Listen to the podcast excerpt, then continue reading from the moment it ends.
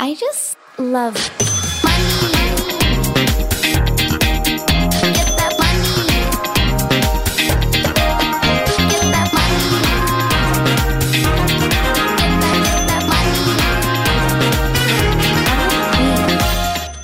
God mandag og velkommen tilbake til en ny episode av Karrierekvinner podcast. I dag så sitter jeg med ei dame som eh, jeg har hatt i nettverket mitt i et par år nå. Hun eh, har vært medlem av Equal Agency. Hun, eh, jeg har hatt coaching med henne.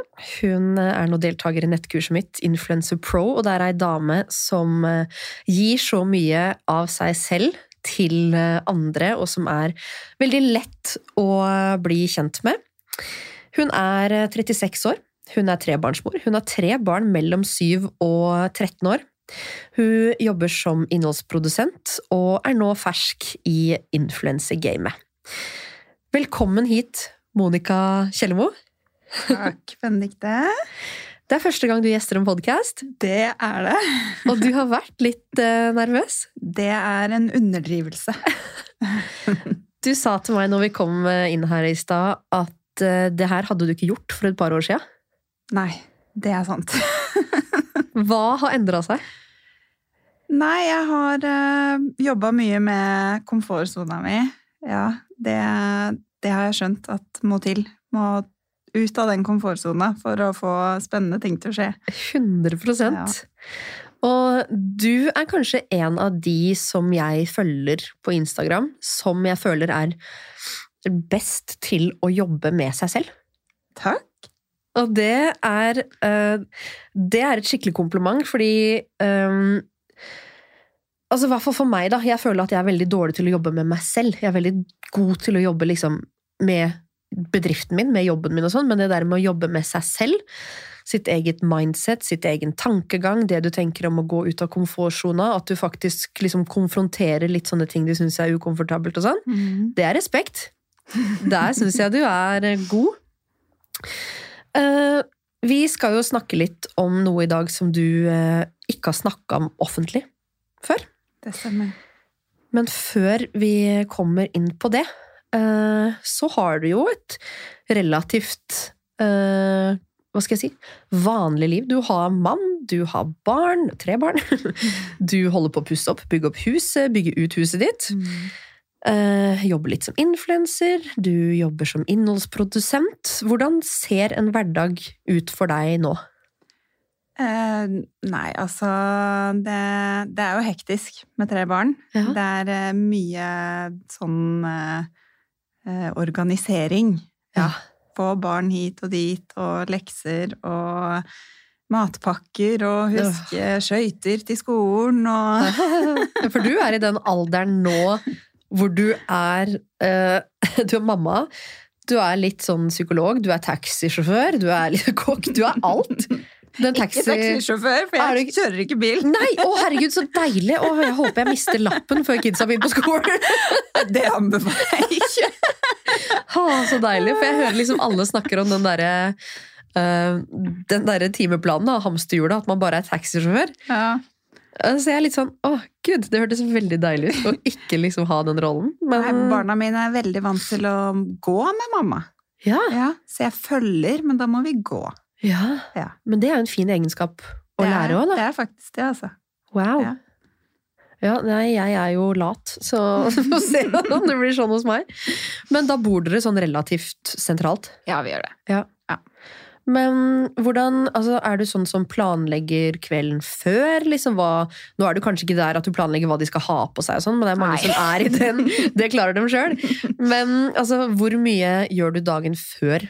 Eksempel søndag kveld, da? Er det mye du trenger å Eh, altså, vi prøver å sette oss ned med kalenderen ja. og skrive opp eh, det ungene skal, da. Så Ja. vi på en måte husker For det er som sagt veldig mye sånn du skal ha med det, og du skal ha med det, og Mm. og plutselig så trenger en unge en dorull med på skolen fordi de skal lage et instrument, ikke sant? Og så er det krise hvis oh. du da ikke har passa på at den dorullen er med, da, ikke sant? Oh, Gud. Eh, altså bare sånne småting som eh, er liksom vondt når du har glemt. Ja, ja. Ja. 100 Mm. Jeg er veldig glad i en podkast som heter Mamma jobber. Har du hørt på den? Eh, nei. Nei, den må du høre på. Og da er liksom et av spørsmålene er liksom Er du god på å huske liksom den der nisselua når det er Mm. juleavslutning? og den dårlige samvittigheten og skammen man nesten føler på når man har glemt noe sånt. Ja, det er ikke noe greit. Men eh, jeg har veldig mange ganger gått hjem igjen og henta. Ja, Ja. jeg òg. Men likevel, den der lille møtet Eller ofte så sier de jo 'det går bra, vi har ekstra'. Og så Ja, Den er ukomfortabel. veldig. Og du ser på ungen din og bare ok. Åh, Ja. nei. Og det blir liksom verre når du blir eldre og forstår at 'å ja, mamma har glemt kostymet til karneval', da får jeg bare ta noen leftovers som ligger her. Nei, uff a meg. Det er grusomt. Jeg kjenner jo veldig på det at jeg fikk jo barnehagebarn. Lea starta jo i barnehagen august 2020. Mm. Så i ett år og typ ni måneder av Leas barnehagetid Nei, det blir det ikke. Jo, det blir det. Så var det jo pandemi. Ja, Så det var jo ikke noe nesten foreldremøter, foreldresamtale, foreldrekaffe, FN-dag, vafler, bla, bla, bla. bla. ja. Så jeg fikk jo sjokk når pandemien ble borte. Jeg bare, er det sånn det er å være mor? Vet du hva? Pandemien var litt deilig. Ja, det var det. Er det Ja. er lov å si, eller? Ja, men helt ærlig, det var veldig deilig at det ikke skulle noe hele tiden. Ja. At ting var digitalt. Foreldremøter digitalt. Åh. Veldig deilig. Men når den pandemien Altså, du har en på syv. Hadde du et barnehagebarn da? Eller var Ja, alle Ja. han begynte på sko... Altså, han blir syv nå om noen uker, Ja. så han er førsteklassing. Herregud. Så du hadde faktisk to på skole og én Ja. i barnehage? Ja. Det, Det, var livvakt hjemme. Ja, det må ha vært heftig. For mannen min var på jobb hver dag. Ja, ikke sant? Å, herregud. Det, bare, det er blessing and the curse, den pandemien. ja. ja. Men Det, så det, det var best når de var på skolen, men det fortsatt var ja. restriksjoner. Ja, det sånn, Dere kan være på skolen, men det er ikke så mye fritidsaktiviteter og så mye henging rundt her og der, Nei liksom. da, det er fint nå, altså. Ja. Absolutt. Det Nei, men det jeg det- må være lov å si, for det er så mange som liksom Jeg skjønner jo at folk uh, hata pandemien. Selvfølgelig, folk Mm. mista jo jobbene sine, folk ble syke, folk mista folk Altså, herregud. Ja, ja. Men samtidig, for de som syns pandemien var en sånn deilig liten pause fra det hamsterhjulet, sånn som jeg fikk jo Hadde det ikke vært for pandemien, så er det ikke sikkert jeg hadde starta for meg sjøl. Så jeg Mm. tror veldig mange fikk den der lille pausen de trengte for å finne ut av hva de kanskje vil med livet. Ja, det kan hende. Jeg vet at barna mine syns det var litt deilig òg. Ja. Ja. Men er det noe dere på en måte har tatt med dere fra pandemien, eller hoppa Nei. dere rett inn i hamsterhjulet igjen? Åh, Eh, det er det, vet du. Ja. Fordi de vil jo være med på det som skjer, ikke Ja. sant? Eh, Og det er aktiviteter, og det er eh, Mm. når du har tre barn som Ja, det blir mye, da. For det er mange som sa det at etter pandemien så er det sikkert mange arbeidsgivere som aksepterer mer hjemmekontor, og folk aksepterer mer ditt og datt, og folk er kanskje ikke like mye på klemming, og folk er litt flinkere til å sprite seg. Og... Men jeg føler at det er motsatt. Det er mye mer sjukdom nå enn det var før, og det er liksom Ja, det har vært så mye, altså. Det er helt Ja. sykt. Det halvåret her Altså, fytti rakkeren. Samme hos oss. Mm. Eller det året her nå, for nå er det snart et år siden siste restriksjonen ble oppheva. Men Sant. åh, nei, vi er tilpasningsdyktige. Men eh, du eh, jobber jo nå som eh, innholdsprodusent og litt som influenser. Ja. Eller litt er jo nesten å underdrive nå, for du har jo gjort det veldig bra i det siste. Ja, det går bedre og bedre. Ja. Ja. Hvordan er liksom hverdagen med tanke på jobb? Eh, Jeg jobber jo da som innholdsprodusent. Jeg Mhm. jobber i Hundetablerer. Mm. eh, Hvor jeg eh, lager innhold for andre bedrifter, da. Ja. Så Og har deres Instagram. Ja, ikke sant? Ja. Så gøy. Mm. Eh, Så din arbeidshverdag er veldig mye på Instagram. Det er veldig mye Instagram. Ja. Ja, det er det. Så når folk liksom sier 'legg bort eh, jobben' Nei, 'legg bort telefonen for å gjort, Ja. få gjort jobben', så er det sånn nei. Nei. Ja, det får jeg høre hele tida. 'Mamma, du sitter bare på telefon'. Ja, Og så er det sånn, ja. Mamma kan fort si det når vi sitter på hytta, for eksempel. Jeg bare ja, 'Du hadde ikke sittet i den hytta her hvis jeg hadde lagt bort telefonen'. Shut the fuck up! Men ja, det blir jo, blir jo litt skjermtid. Det blir det. Men herregud, så lenge det er jobben din. Du trives? Og det er eh, det, Jeg kan ta den med meg overalt. Ja. Ja, så hvis jeg har syke barn, da, så trenger jeg liksom ikke å få dårlig samvittighet for at jeg ikke får dratt på jobb, fordi Nei. den kan jeg gjøre hjemme. Ja, har du mye hjemmekontor, eller er du mest på kontoret? Eh, mest hjemmekontor. Mm. Eh, og så har vi noen eh, Prøver å ha noen sånn fellesdager Ja. på kontoret, da. Mm. Mm. Men hverdagen din har jo ikke alltid vært sånn at du har hatt et kontor å gå til, eller at du har jobba på telefonen i det hele tatt. Du eh, jobba jo masse som ung. Du, eh, når du gikk på videregående og tida etterpå, du jobba på barneskole som lærervikar, og så løp du til SFO, og på kveldene så kanskje det var Rema 1000, mange Mm. baller i lufta. Så vidt jeg har skjønt, så var du jo ei som var litt sulten på voksenlivet, tjene penger, elska å jobbe. Mm. Og så skjedde det noe når du fylte 19. Ja, eh, jeg, eh, som du sier, elska å jobbe. Jeg skulle tjene penger. Jeg skulle spare penger, eh, og skulle utrette mye. Og så begynte jeg å kjenne at kroppen kjempa litt imot. Og det jeg gjorde da, var å lete etter andre jobber. Jeg tenkte ja, det er sikkert fordi jeg er eh, lei av jobben. Ja. Eh, Så prøvde nye ting. Eh, Begynte å jobbe i klesbutikk og tenkte det er jo kjempegøy. Og kroppen bare ville ikke. Eh, Så dro jeg til legen, og der fant de ut ingenting. Hva slags symptomer hadde du, som man kan spørre om det? Eh, Var eh, bare veldig, veldig sliten. Sleit liksom plutselig med å gjøre veldig sånn dagligdagse ting, da, som eh, å trene. Elska å trene. Det måtte jeg bare slutte med, jeg hadde ikke sjans.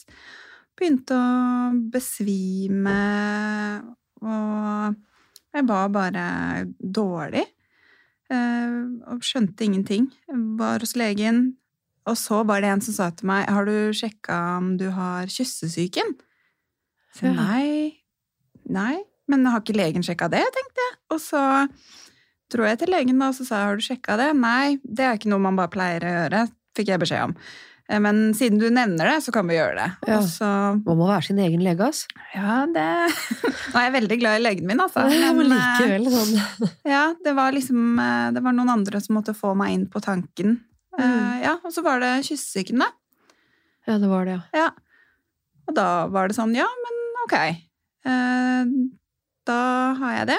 Og så slapper vi av litt.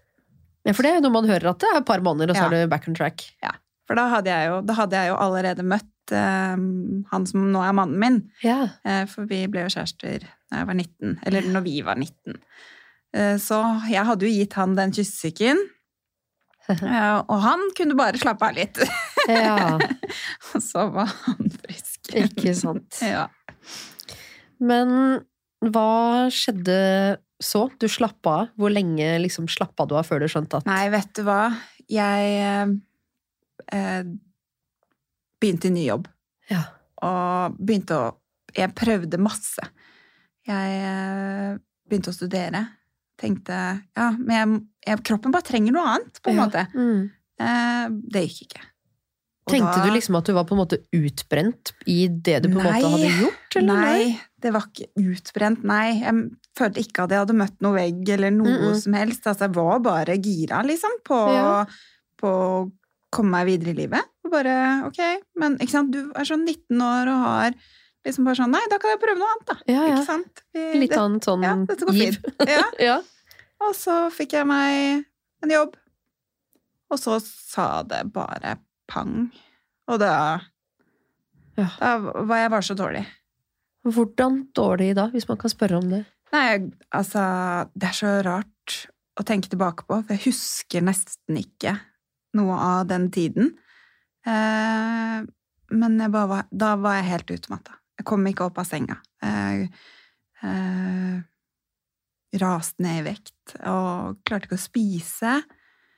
Jeg var bare Ja, bare sov. Kunne sove. Og så kom mannen min hjem fra jobb.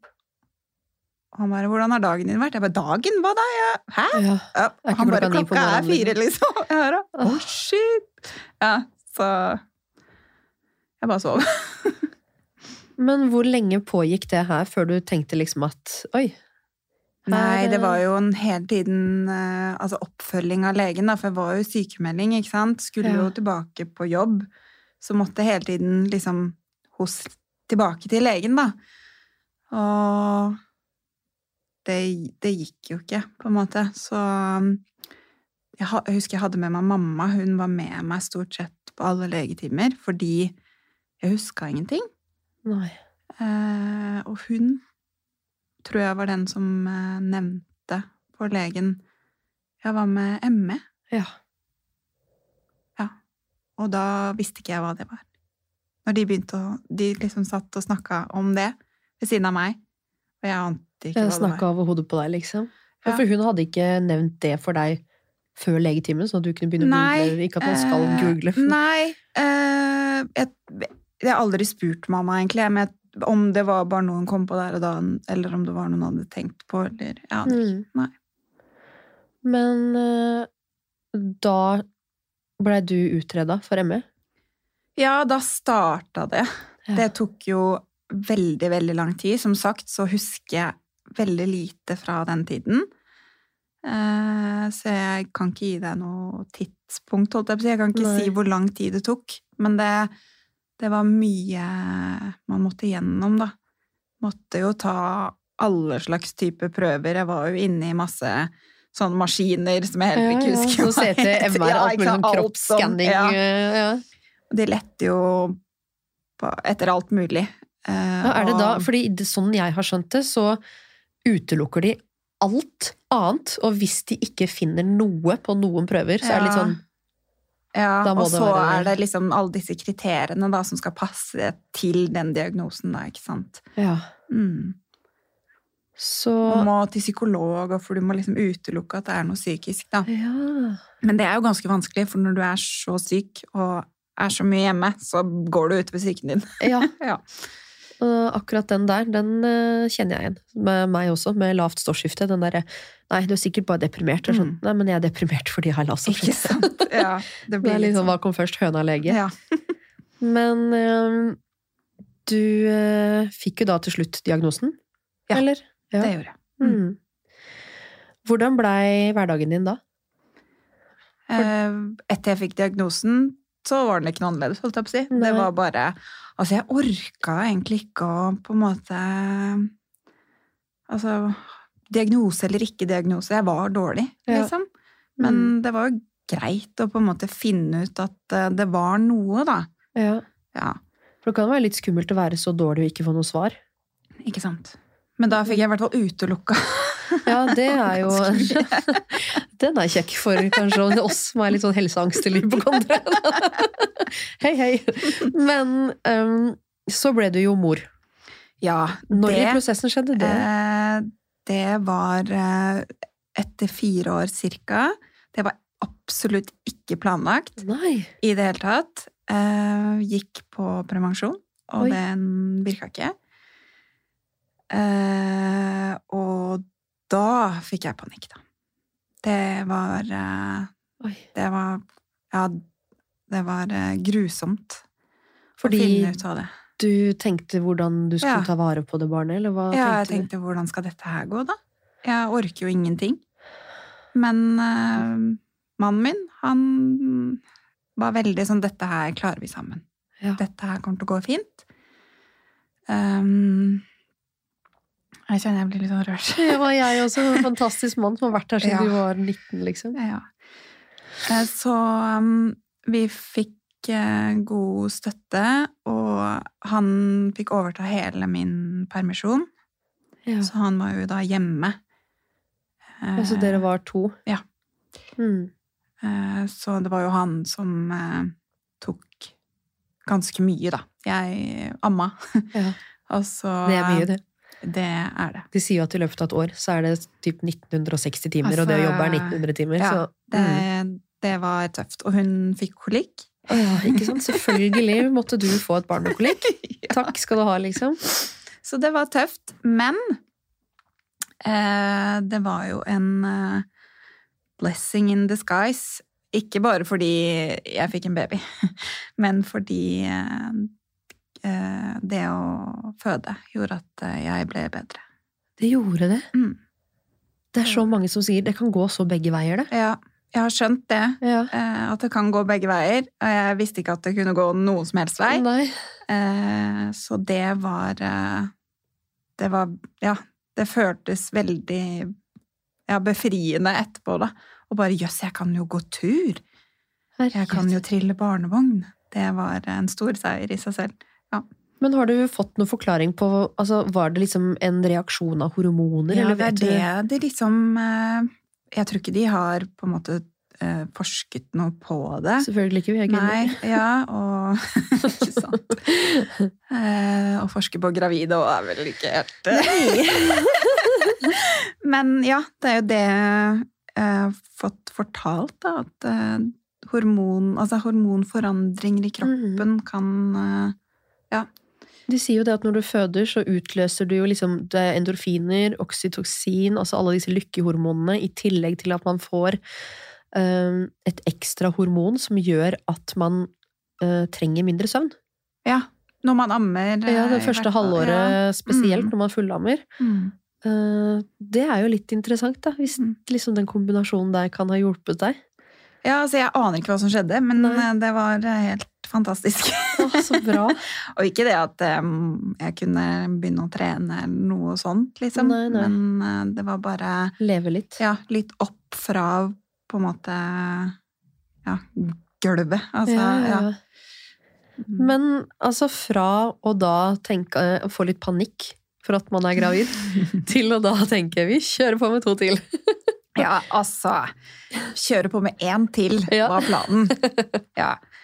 Eh, nei, da var det litt sånn ok, nå er vi oppi det her. Nå er på en måte livet For hva er aldersforskjellen mellom første og andre? Det, er to og et halvt år mellom jentene. Ja. Eh, så da Vi visste jo hele tiden at vi ville ha to barn. ja. Så da var det sånn, ok, men da kjører vi på. Fordi um, vi tenkte at det ble enklere Ja. uh, å bare stå i det. ja, ja. Ja. Det er så gøy, for du har gitt meg så mange råd når jeg har kommet til deg bare Skal jeg én, eller skal jeg to? Og du bare Kjør på! Kjør på! Så ja. Så planen var jo bare to. ja. Mange som kommer hit og sier det. Ikke sant. Men hvordan var da liksom den overgangen da? Jeg tenker liksom både med tanke på um, hvor hvor eh, frisk i gåsetegn følte du deg da når du fikk den testen? Hvordan påvirka fødsel nummer to da? Ja, eh, den endra ingenting, egentlig. Nei. Da var det på en måte samme, samme ståa, da. Eh, Men det vi gjorde, var jo på en måte se på livet vårt og bare hva kan vi gjøre enklere. Så det vi gjorde, var eksempel vi flytta rett ved siden av barnehagen. Ja. eh, Og ved, ved siden av en butikk, ikke sant. Veldig sånn, sånn at eh, hverdagslogistikken skulle på en måte bli enklere og Å, så lurt. Ja. Veldig lurt. Eh, og da gikk du jo da fra ja, én, og du hadde liksom energi. Opprettholdt, du klarte å opprettholde den samme energien til å gå tur og komme deg ut og sånn når du hadde to? Ja, altså jeg Det var en helt vanlig sånn uh, tusletur. Altså Mhm. ja, ikke noe store greier, og var ikke med i noe barselgruppe eller noe sånt, for Nei. det orket jeg ikke. Eh, Men jeg hadde mange venninner som fikk eh, barn, altså fikk sin første når jeg fikk min andre, da. Ja. Så vi hang litt sammen, og Men eh, mye man måtte takke nei til. Men ja. sånn var bare livet. Og så er det jo et lite gap til nummer tre. Ja. Men eh, innimellom her, litt usikker på når, men så fikk du jo en uh, ufør. Ja. Hvordan havna du der, og når var det? Når, det husker jeg ikke. Nei. Eh, For eh, tid Før for meg etter barn, er litt eh, Det er kanskje en del av sykdommen at det går litt i svart? Ja, det er akkurat det. Det kunne jeg sjekka opp før jeg kom hit, men eh, Nei, nei. det, jeg husker ikke når jeg ble ufør, for Nei. å være helt ærlig. Eh, Men det er jo noen år siden nå, og tiden går jo så fort ut. At, Ja, eh, Men Uh, som vi snakka om litt sånn innledningsvis, så har du jo ikke snakka om det her offentlig før nå. Og du er jo en person som Altså, jeg vil jo ikke si at du er sånn Altså, du tør jo dele litt Ja. på dine sosiale medier. mm, Eh, men du må jo ha hatt noen negative tanker rundt det å få en uføretrygd Med tanke på at du kanskje ikke har sagt det her. Ja, jeg har kjent veldig mye på Altså, det er jo en stor stigma, da, med å være ufør, og ikke minst ha en ME-diagnose. Ja. Eh, folk eh, elsker jo å vitse om ME og Ja, ikke sant? Så jeg orket ikke den at folk skulle se på meg og tenke ja, men hun orker jo det. Hun gjør jo det. Ja. Og så orker hun ikke å jobbe. Alle kan jobbe litt. Mm. Eh, Og så vet man ikke at jeg har, jeg har prøvd i veldig, veldig mange år å få den jobben som tilbyr at jeg bare jobber litt. ja. Men det er jo ingen som er interessert i. Fordi du vet jo ikke Du kan jo ikke garantere at er torsdag klokka fire. Da Nei. orker du å jobbe. ja, ikke sant. Uforutsigbart for en arbeidsgiver. Mm. Eh, så ja. Jeg har kjent veldig på eh, Også på det at eh, det ikke har føltes helt som meg. Identitetskrise. yes. Mm. Det at Monica er ufør. Det er bare Nei, det, det Jeg har liksom ikke innfunnet meg med det ennå. Nei, Nei. for du Altså, du studerte jo samtidig, nettopp på Ja. grunn av den identitetskrisa. Ja, det gjorde jeg. Jeg eh, har vært student, altså, i de siste sånn ti årene eller noe sånt. Ja. Så har jeg studert. Og det var eh, Altså, for det første fordi jeg elsker å lære nye ting. Mm. Eh, og syns Altså, jeg leser veldig fort. Jeg husker ikke like mye, men og, Men rett og slett for at jeg kunne si da at eh, Hei, jeg heter Monica, og jeg er student. Ja. Ja, fordi det er jo noe av det første folk spør om. Hva ja, gjør ja. du? Ja, det er sant. Ja. Så da, da Jeg var student. Mm. Men etter hvert så begynte jo kanskje andre foreldre å rynke litt på nesa. Ja, jeg har fått noen eh, spørsmål. Altså, studerer du ennå?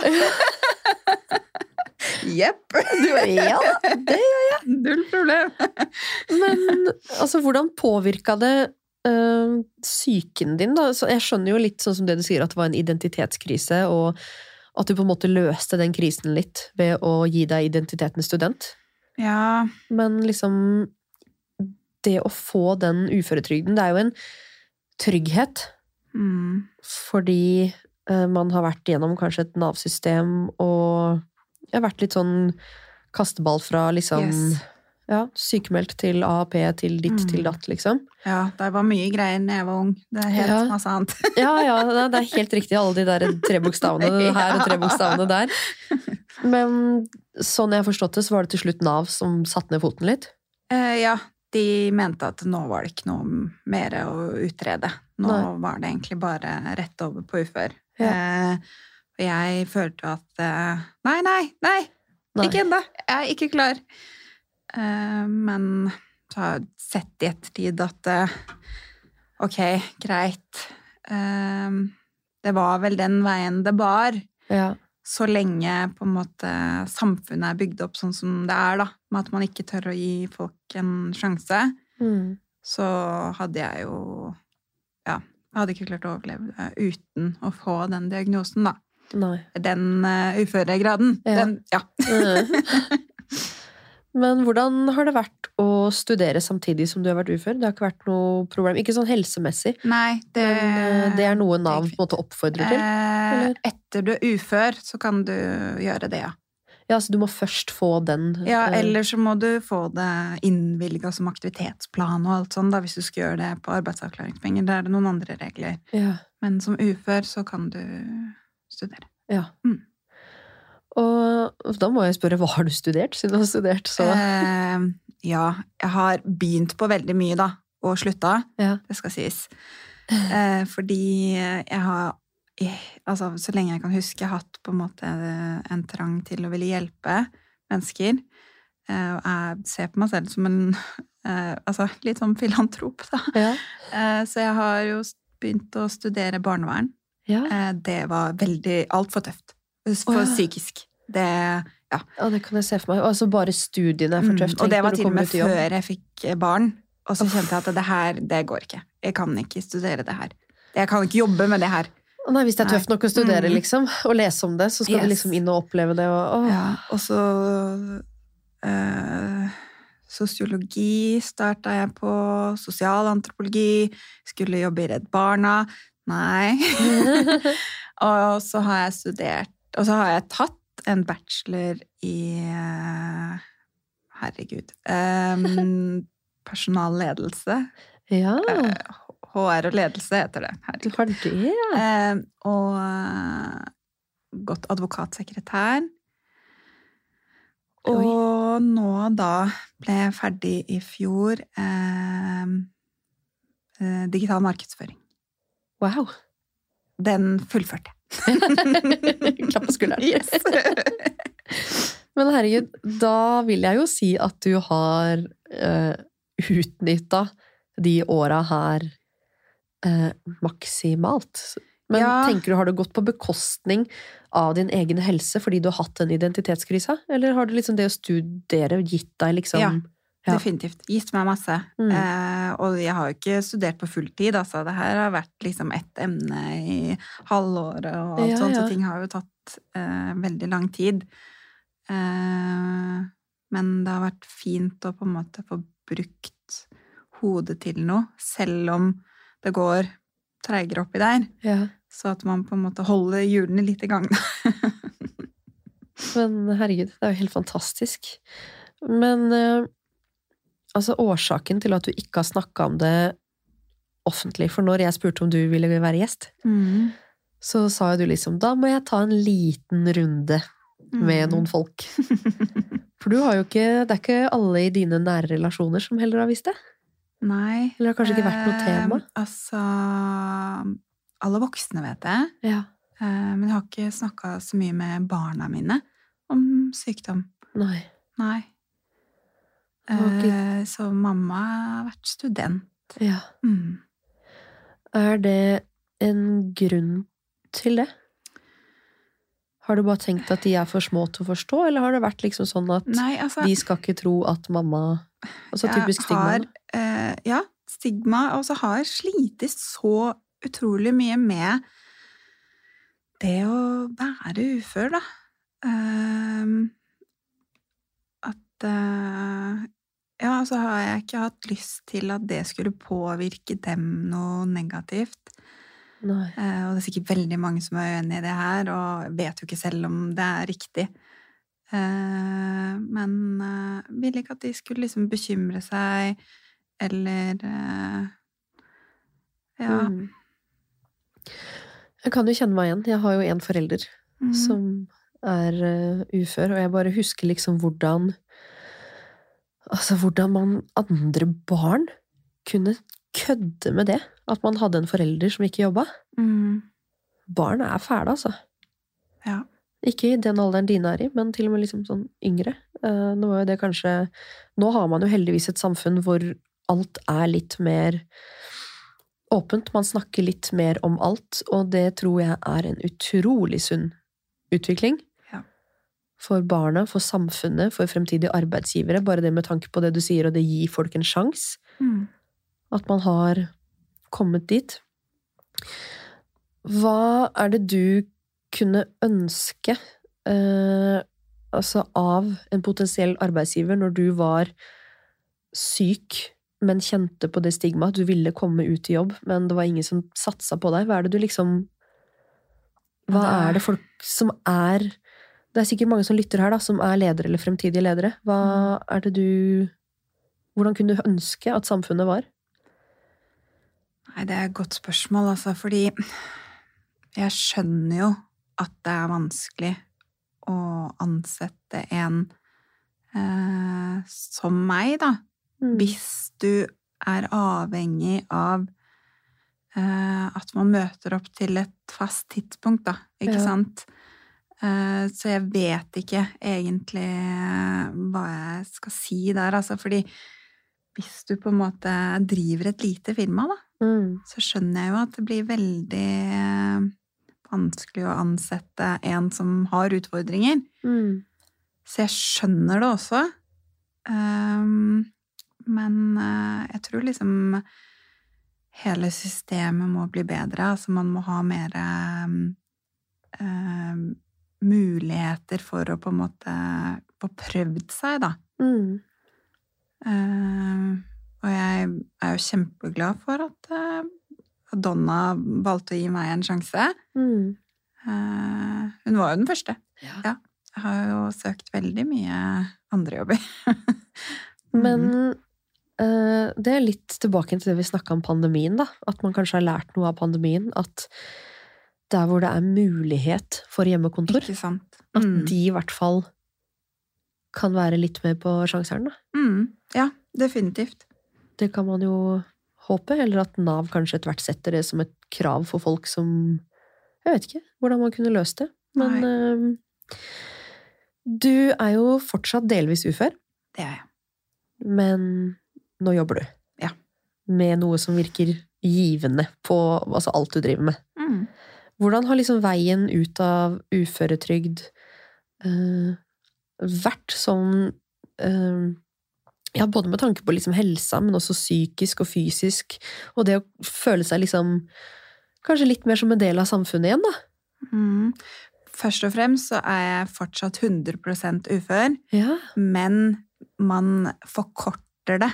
Altså, eh, så jeg må melde inn da hvert år. Så man har den i ryggen, på en måte. Så man må, Mm. nå vet ikke jeg hvor mange år det er, for det har jeg ikke Nei, det husker jeg Sara. Emilie snakka om, om Mm. det var tre år eller noe. Ja, jeg aner ikke. Husker Mm. ikke. Uh, så den har man fortsatt, da. Ja. Og så liksom uh, får man mindre fra Nav jo mer man tjener Ja. selv. Ja. Mm. Og hva var spørsmålet igjen? Nei, altså hvordan uh, veien ut av uføretrygd har vært. da, Det å kunne føle seg litt mer delaktig i samfunnet og gjøre en jobb og få lønn, liksom. Eh, altså, det starta med, som du var litt inne på i starten, eh, måtte jobbe veldig, veldig med meg selv. Mm. Eh, og um, fordi det er ikke til å legge skjul på at jeg syns livet var dritt. Mm. Eh, det er veldig fint å være mamma. Veldig fint. Men eh, jeg vil jo ikke bare være mamma. Nei. Vil jo gjøre noe mer. Altså, jeg så liksom livet bare forsvant foran øya på meg. Og bare enda et år har gått, enda et år har gått, enda et år har gått. Ja. Og greit, jeg studerte jo, Ja. så gjorde noe, men det var litt sånn Vil jo bruke dette til noe. Mm. Eh, og ikke minst økonomi, da. Eh, det er jo ikke mye å skryte av. Nei, når man ser liksom Ja, kanskje andre, da. Det er jo veldig lett, spesielt i den verden vi sitter i nå med sosiale medier, å Mm. sammenligne seg med andre på sin egen alder, som Ja. liksom etablerer seg og pusser opp på hytter og styrer og steller og reiser og båter og gud veit hva, liksom. Ikke sant? Mm. Men eh, du har jo vært veldig opptatt av eh, mindset, som du snakka om at du syntes livet var dritt. Mm. Men det klarte du jo å endre. Ja, vet du hva, det kom til et punkt hvor jeg bare måtte eh, ta tak i meg selv og bare skjerpe deg. Ja. Fordi jeg var sånn Nei, jeg er jo ikke pessimist, jeg er bare realistisk. Det var det jeg liksom eh, sa til meg selv, da, at eh, jeg er bare realistisk. Jeg vet at det, det blir ikke noe bedre. Nei. Uh, det, ja. Og så måtte jeg bare ta tak selv og bare Det blir ikke bedre hvis du går rundt og sier at uh, dette er sånn livet skal være. Mm. Uh, så jeg måtte ja, begynne å jobbe med meg selv, da. Og jeg begynte å se på alt det jeg hadde. Alt det fine jeg hadde. Alt det vi hadde fått til, da. mm. På tross av eh, min sykdom, da. Som Altså, vi hadde jo fått kjøpt leiligheter i Oslo. Vi bor jo i Oslo, som vi fikk pusset opp. Ikke jeg, men Samme det. min eh, snekkermann.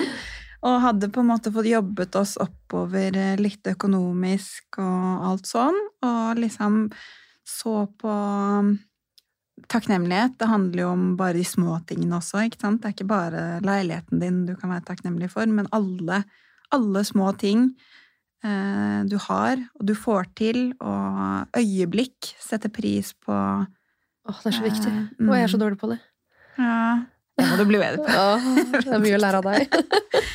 Og Men- det er liksom Det, det starta der, ved Mm. å, mm, å være takknemlig for det jeg hadde, og så eh, begynne å se fremover og tenke ja, hva vil jeg egentlig få ut av livet? Hva, hva vil jeg oppnå? Eh, og begynne å ja, visualisere en annen fremtid enn den, eh, den eh, nåværende tilstanden Mm. jeg hadde. Mm.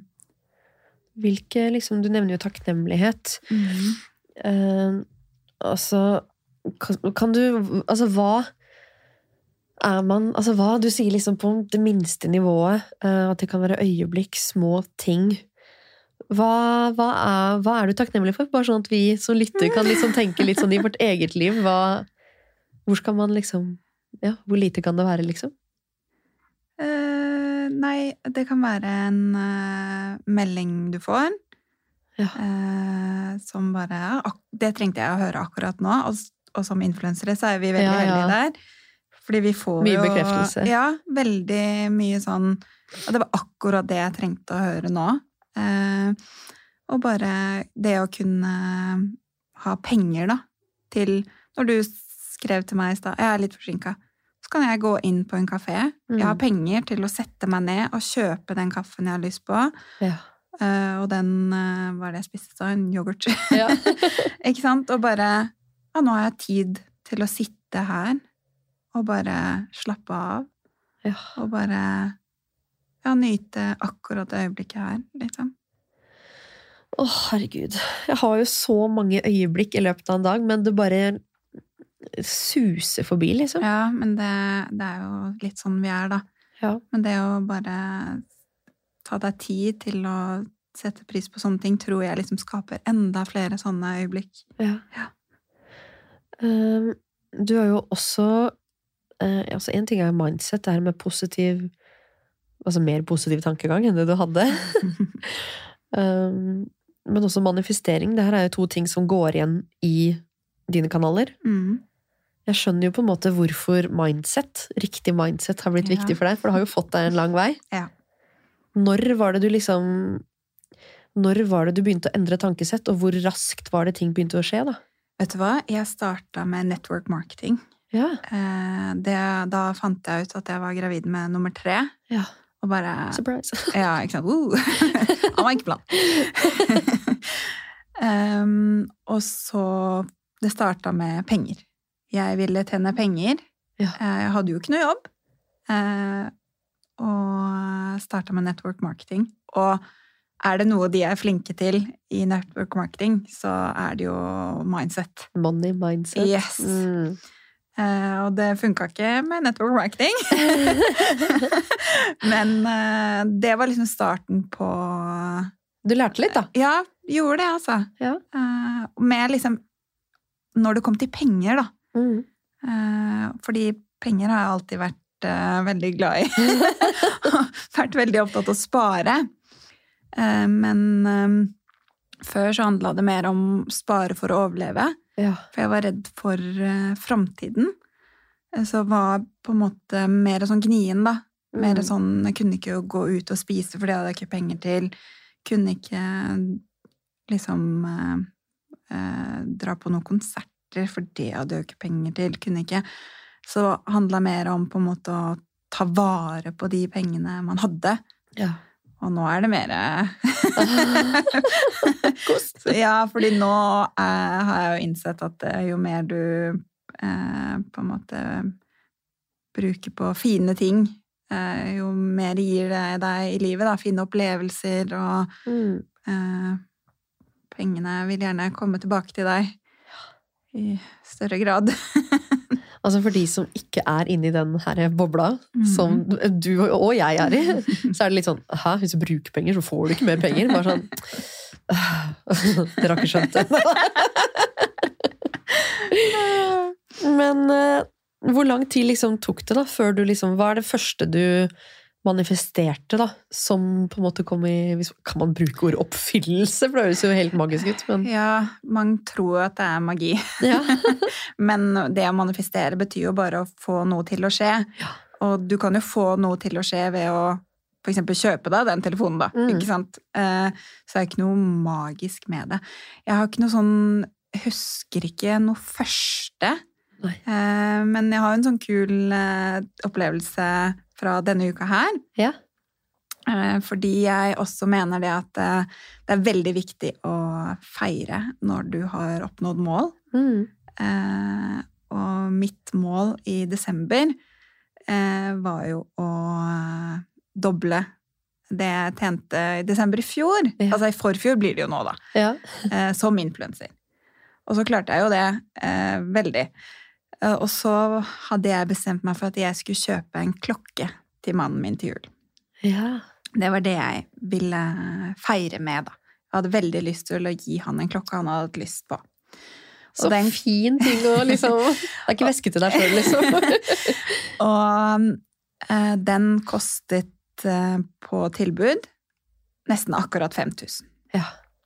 Og så eh, tok jeg jo og kjøpte den, men jeg tok sånn Jeg betalte den ikke med en gang. Jeg betalte ikke på nedbetaling, for det gjør jeg aldri, men sånn Betale om 30 dager eller Ja, noe noe sånt. ikke sant? Eh, noe Mm. Klarna-greier. Og så var jeg sånn Ja, men eh, det ville vært fint om jeg slapp å bruke de pengene jeg hadde på konto nå, Ja. til å betale for den klokka. Uh, og så er jeg litt sånn Jeg syns det er veldig gøy, da, å på en måte bare La oss se hva som skjer nå. Ja. Eh, så jeg har en sånn mantra jeg sier, da. Eh, er sånn Få høre. Vet du hva, den har jeg skrevet ned et annet sted. Jeg har det ikke oppi hodet. Nei, bare sånn, er det hemmelig? Eh, Men eh, sånn eh, litt sånn kjære univers. eh, La oss se hva som skjer nå. De eh, neste 24 timene ber jeg om en gave. Ja. Og du må være veldig åpen for at den gaven kan være hva som helst. Komme i alle former, liksom. Ikke sant? Eh, Så bare eh, Ok, nå ser vi om det skjer noe. Så fikk jeg en DM av eh, Stack by me, Ja. fordi der har jeg kjøpt meg inn. Det tror jeg du gjorde. Ja. Ja. Og så skrev de Vet du hva, Monica? Du betalte inn dobbelt. Ja. Så vi overfører penger til deg. Herregud! Og det var 5000 kroner. Altså, det er så, det er så sprøtt. Det er jo det er kjempegøy.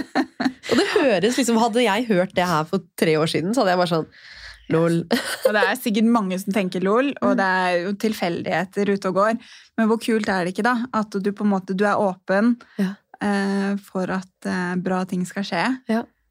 Uh, men du må være åpen, og så må du på en måte Det jobber jeg jo veldig med, å prøve å stay high vibe, da, som man sier. Mm.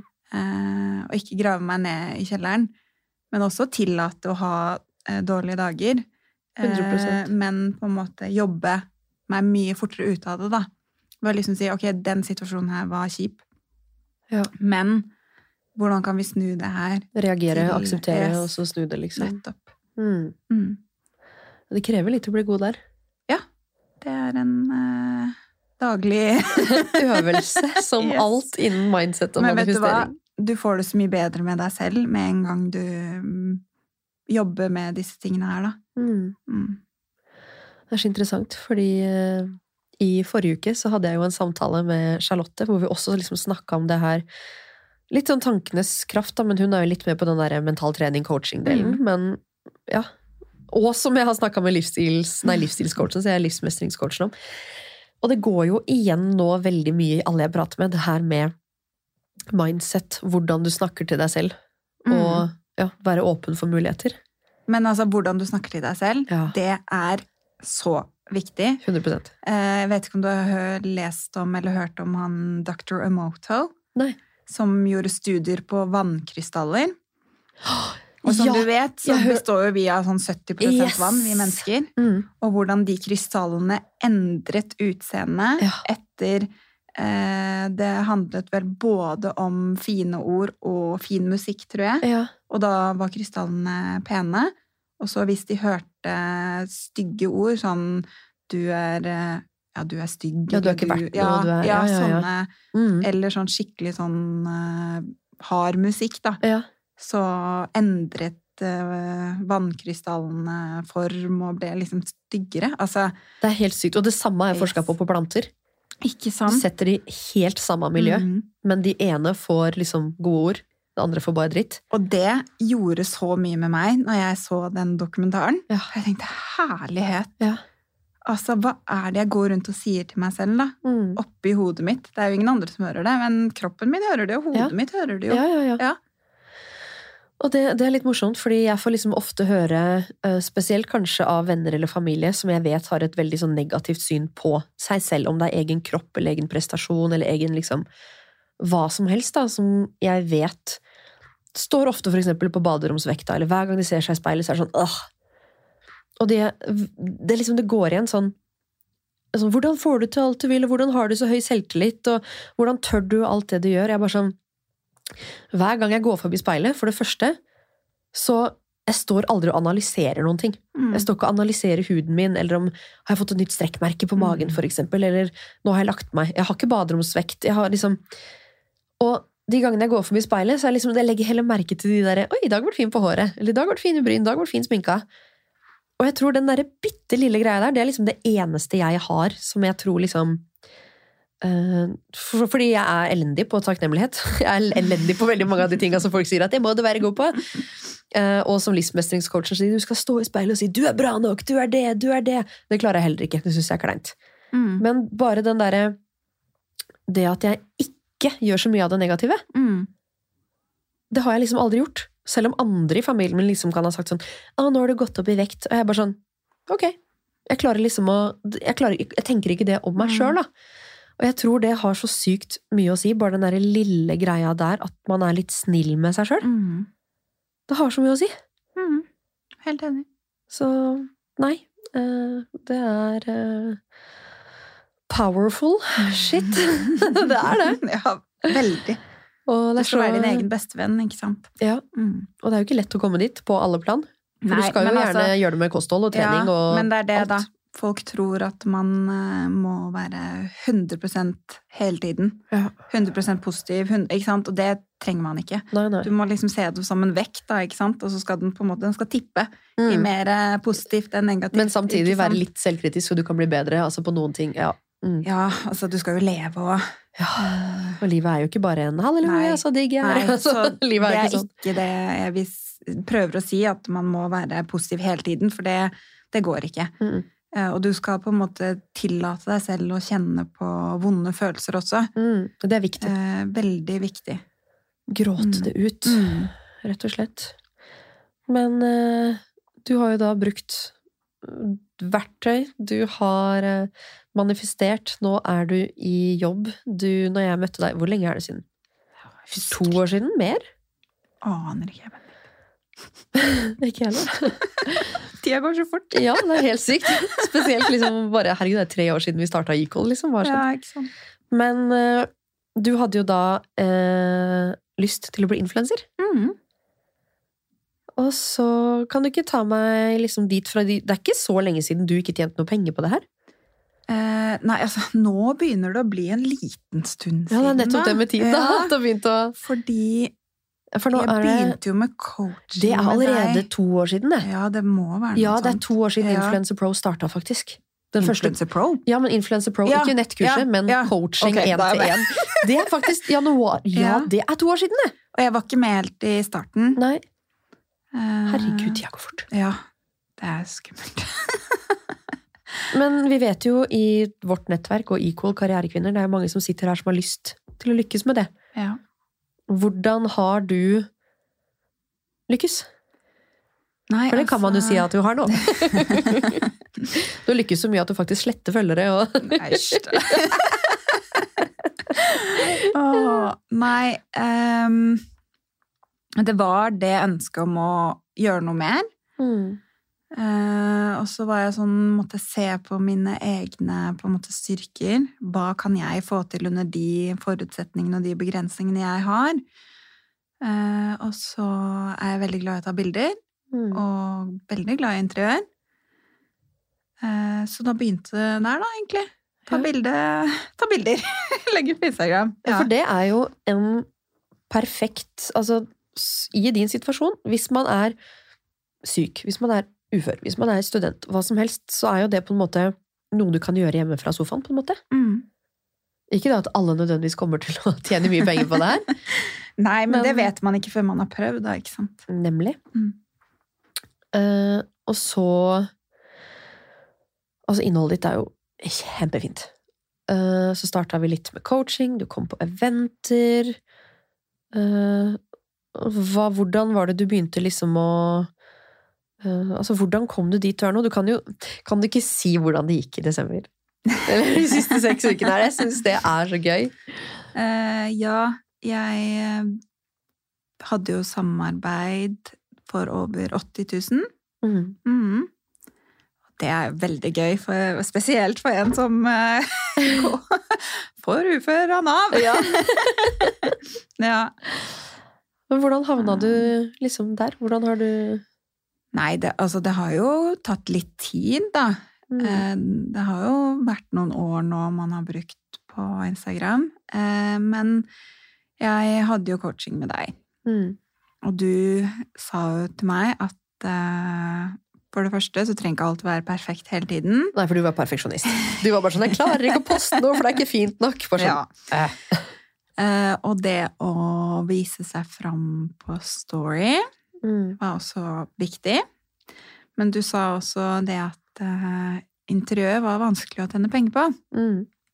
Eh, fordi veldig mange bare tar, tar imot eh, gratis eh, Yes. eh, vaser og Ja. Så det hadde jeg jo fått. Jeg hadde jo fått. Mye gratis vaser og ting. Ja. Eh, Så du var litt sånn Du må by litt mer på deg selv.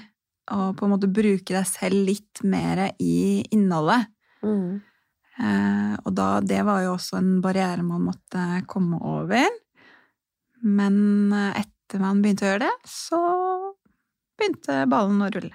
Ja. Ja.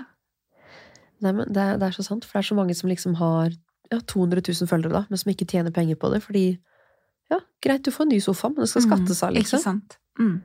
Så Og du har jo lært meg å be om betalt. ja, ja. Mm. Dødsviktig. Du får ikke betalt. Det er veldig sjelden bedriftene Kanskje nå da, som man har begynt, og man ser liksom at oi, hun her gjør betalt samarbeid, men i begynnelsen det er ingen som slenger tusenlappene på bordet. Liksom, Det skjønner jeg jo. Skjønner det, jeg jo. Håper du kommer dit snart, si. uh, og så har du jo Det her var jo én-til-én-coaching. Det slutta jeg jo med, fordi Mm. jeg ville frigjøre tid i kalenderen min. Mm. Og eh, da starta jeg et nettkurs, noe jeg kan anbefale alle som driver med én-til-én. Å putte alt, all kunnskapen da, inn i et kurs. Mm. Få med litt eksperter. Det du ikke kan, det får du hjelp til, liksom. Uh, har du fått noe ut av det kurset? Nå har jo du Du har på en måte fulgt hele reisen min også, da, som coach. Ja. Så du har på en måte eh, visst mye av det som er i kurset fra før av, Ja, det har jeg. Men det er jo på en måte det samme du har i kurset, bare veldig sånn komprimert, da. Mm. Eh, Så eh, det er jo alle disse rådene du har kommet med, og eh, ikke minst regnskap regnskap. Ja.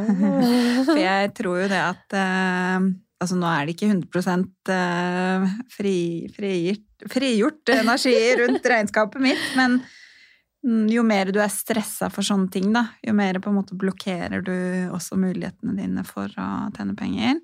100 Eh, Så bare Du har jo så mye i det kurset, eh, og spesielt de som ikke Som starter som helt nye, mm.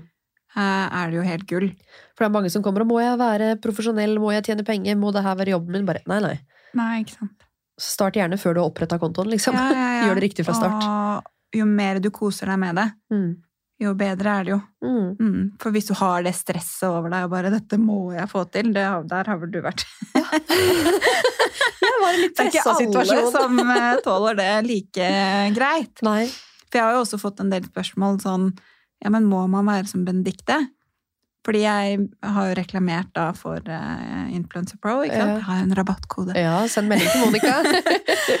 Så jeg får jo ganske mange DM eh, om eh, kurset. Og de Mm. sier ja, men jeg er jo ikke som Benedicte, jeg vil jo ikke stille opp i debatten. Jeg bare, jeg vil heller ikke stille opp i debatten! Altså, jeg vil heller ikke stille opp i debatten! Nei, ikke sant? Ikke igjen, det er det verste jeg har gjort i hele mitt liv. Ja, ikke sant? Så jeg prøver bare å si at uh, du må være deg selv. Du må Mm. liksom ha med uh, hjertet ditt og magefølelsen på det du Mm. gjør, da. Fordi det er sånn du på en måte klarer å stå i det. Og vite at det du deler nå, det lever du godt med, da. Mm. Mm. Og der er jeg veldig sånn, I begynnelsen da jeg lagde det kurset, så følte jeg liksom at den modul 1 da, var veldig overflødig. For den handler jo Nei, nemlig. For den handler jo veldig mye om alt, alle valg du skal ta før du begynner Mm. å dele. Og jeg var litt sånn åh, det her er det sikkert ikke mange som bryr seg om, men det er så viktig å gjøre seg opp en formening om hvem du er, hvem du vil bli, hva du vil formidle, hvilke nisjer du skal ha. Hva står du i, hva er det du absolutt ikke Mm. skal dele? Altså, å kartlegge hele deg selv som person og fremtidig offentlig person før du stuper ut i det. Yep, Veldig viktig. Mm. Så nei, jeg er fornøyd med den der modul 1, altså, som jeg trodde jeg bare skulle stryke. Ja, nei, den er viktig. Ja, den er det. Men eh, noe som er veldig kult, da. Du har jo en eh, lang erfaring med Nav. Ja, og det er kult! Ja, det er kult. Det er ikke det jeg skal fram til. Men det er jo at Influencer Pro har jo blitt Nav-godkjent. Mm. Så det er jo eh, Ja, jeg tenker liksom for deg, da, i den situasjonen du var i Det høres jo liksom Jeg, synes, jeg som liksom forfatter av kurset, syns det er helt sykt at det har blitt Nav-godkjent. Det er kjempekult. Det er jo helt Mm. sykt, faktisk, at et influensekurs er Nav-godkjent. For du tenker liksom Det er også et yrke det er mye stigma rundt. Ah, gjett. Det er det, da. ikke sant? Og jeg er bare sånn Wow! Nav! mm. Har ikke stigma rundt det her. Nei, men vet du hva, jeg kan skjønne det òg, fordi de har nok sett at eh, dette her er noe man kan gjøre på tross av dårlig helse. Ja. Ikke sant? Så det, det å kunne Altså, du trenger jo nesten ikke å ta bilder lenger heller. Du kan jo bare ta opp telefonen og filme deg selv, Yes. eh, og så kan du tjene penger på det. Ja. Yes. Så verden går framover, altså. Ja, Absolutt. Så til dere som liksom har vært i, eller er i, en situasjon som du har vært i, da. Mm. At det fins ikke bare Influencer Pro, men sikkert mange andre type yrkesretta kurs og utdanninger også, som faktisk er godkjent av Nav. Så Nav betaler for at du skal ta. Mhm. Så nei, det syns jeg er eh, Det er kult. Det syns jeg var liksom Det var stort å få gjennom den der første Ja, søknaden der. Men du har jo bare Altså, for deg nå så ser jeg liksom bare det bare voff! Går jo bratt oppover. Kjempekult å følge med på. Men hvilke drømmer og mål er det du har for liksom future Monica? Ja, eh, jeg har jo hele tiden vært ganske bevisst på at jeg vil bruke eh, influenser-Monica til noe. Påvirkningskraften din? Ja, liksom? eh, altså Vi bygger meg opp noe, da. Og det er jo også noe du prater om i kurset. Stå på flere bein. Ikke sant? Eh, så jeg har hele tiden visst at jeg vil eh, bruke min historie til noe. Eh, så jeg drømmer jo om å skrive bok. Så kult. Ja. Eh, jeg eh, jobber jo med en Altså gjennom Hun etablerer, så jobber jeg jo med en forfatter som driver med et forfatterprogram. Så ikke sant, det ser jeg bare på som enda et tegn da, Ja. på at jeg skal skrive bok. Ja. Ikke sant? At hun har kommet inn i livet Ja, mitt på den måten. Men eh, nå driver jeg og jobber med et nettkurs. Ja. Mm. Vil du si noe mer om det, eller er det hemmelig? Det handler om eh, penger og mindset. Money mindset. Yes, money mindset. Eh, For det, det er noe jeg syns er veldig gøy. Mm. eh, Å få penger til å vokse. Det er også Ja. noe man ser i kanalene dine. Ja. Jeg er Veldig veldig nyttig å følge Monica Kjellemo, altså, folkens. Ja, for jeg er så opptatt av at uh, man ikke trenger å eh, spare de kjempestore summene for at uh, det skal bli mer, da. Mm. Og få frem at vet du hva, har du 300 kroner i måneden du kan sette inn i fond, Ja. så gjør det. Eh, For det er altfor mange som tenker at ja, men jeg har ikke alle disse tusenlappene, så det er ikke noe vits. Nei, man ser på seg selv, eller sånn som veldig mange kanskje tenker, at aksjer av fond, det er noe man liksom De som Altså exit-miljøet, og de som Ja, ikke går på sant? børs, liksom. Mm. Nei. Uh, nei, nei. Så flere kvinner må spare i fond. Yes! Og det er eh, noe jeg eh, ja, liker å prate om, da. Mm. Uh, økonomi, Ja, sparing, men sparing på en morsom måte. kult. Det virker jo som om liksom når ballen hos Monica begynner å rulle, så er det litt sånn, litt sånn som meg, blir avhengighetsskapende av å Man får jo bare lyst til å lage noe nytt. Ja, Sånn som du eh, bare liksom, ja ok, nå har, vi, nå har vi jobb der, og så har vi Instagram der. Ok, jeg har lyst til å lansere nettkurs, lyst til å skrive bok. Man blir jo bare sånn, man blir så sulten på liksom ja, men jeg har ikke dårlig tid, da. Nei, der er Den har jeg Det siste siden altså høsten 2021, den var så heftig, og etter det så har jeg vært litt sånn, vet du hva, jeg trenger ikke å lansere tre ting på to måneder, liksom. Nei, men du må nyte det, Benedikte. Ja, det er det jeg skal bruke det året her til, da. Me-time og baby og permisjon og Spania. Får vi se, da. Om jeg kommer tilbake etter Spania i 2024. Det har gått enda et år. Helt sånn zen og kontroll på liv og takknemlig. Jeg sitter i lotusstilling og bare ah. Ja, ikke sant? Vi kan se for oss det, ikke sant? Du trenger ikke å dra den helt ut, vet du. Nei, jeg veit det. Det er nettopp det Charlotte sa i forrige uke også, sånn det fins en mellomting. Ja. Nei, men så gøy. Jeg eh, heier på deg, og jeg tror eh, det er eh, viktig med den åpenheten du har vist i dag. ja. Du syns ikke det var så skummelt, eller? Nei, Likevel? altså Det har gått helt fint. Ja. Nei, jeg, jeg tror det at eh, for at jeg skal eh, kunne gå videre, eh, også med de prosjektene jeg har lyst til å drive med nå, så er, er det greit å være åpen om eh, historien min. Men det føles også enklere å dele nå som jeg på en måte har eh, kommet litt videre. Ja. Eh, For som sagt, så jeg følte meg aldri som eh, Altså, det var ikke meg, da. Det å være ufør og uh, Ja. Mm. Mm. Ja, det er jo det. det. De lærde strides. Skal man dele mens det står på, eller skal man dele etterpå? Altså, jeg heier på de som er åpne. Ja. Eh, null eh, problem der, holdt jeg på å si. Jeg skjønner at folk er åpne eh, om det, men eh, jeg bare ville ikke være sånn Der er hun som er ufør. Ja. Eh, fordi jeg tror at eh, jo mer du prater om at du er syk, jo dårligere føler du deg. Mm. Eh, så jeg har eh, satt pris på alle de samtalene jeg har hatt som ikke har handlet om sykdom. Ja. ja. Det er litt vi snakka om, du skal ikke dyrke negativiteten. Ikke sant? Mm. tror det er viktig. Nei, men tusen takk for at du kom, eh, Monica. Og til dere som lytter og ikke følger deg fra før av, hvor finner man deg? Mm, Monica Kjellemo på Instagram og Monica understrek Kjellemo på Snap. Mm. Og til neste gang, folkens, Benedicte Haugård.no, You Know What To Do og Equal Agency.no. Så snakkes vi neste mandag. Ha det bra! I just love money.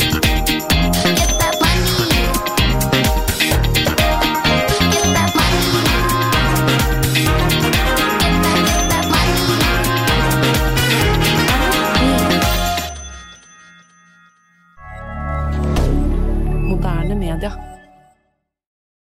Har du et enkeltpersonforetak eller en liten bedrift? Da er du sikkert lei av å høre meg snakke om hvor enkelt det er med kvitteringer og bilag i fiken, så vi eh, gir oss her, vi.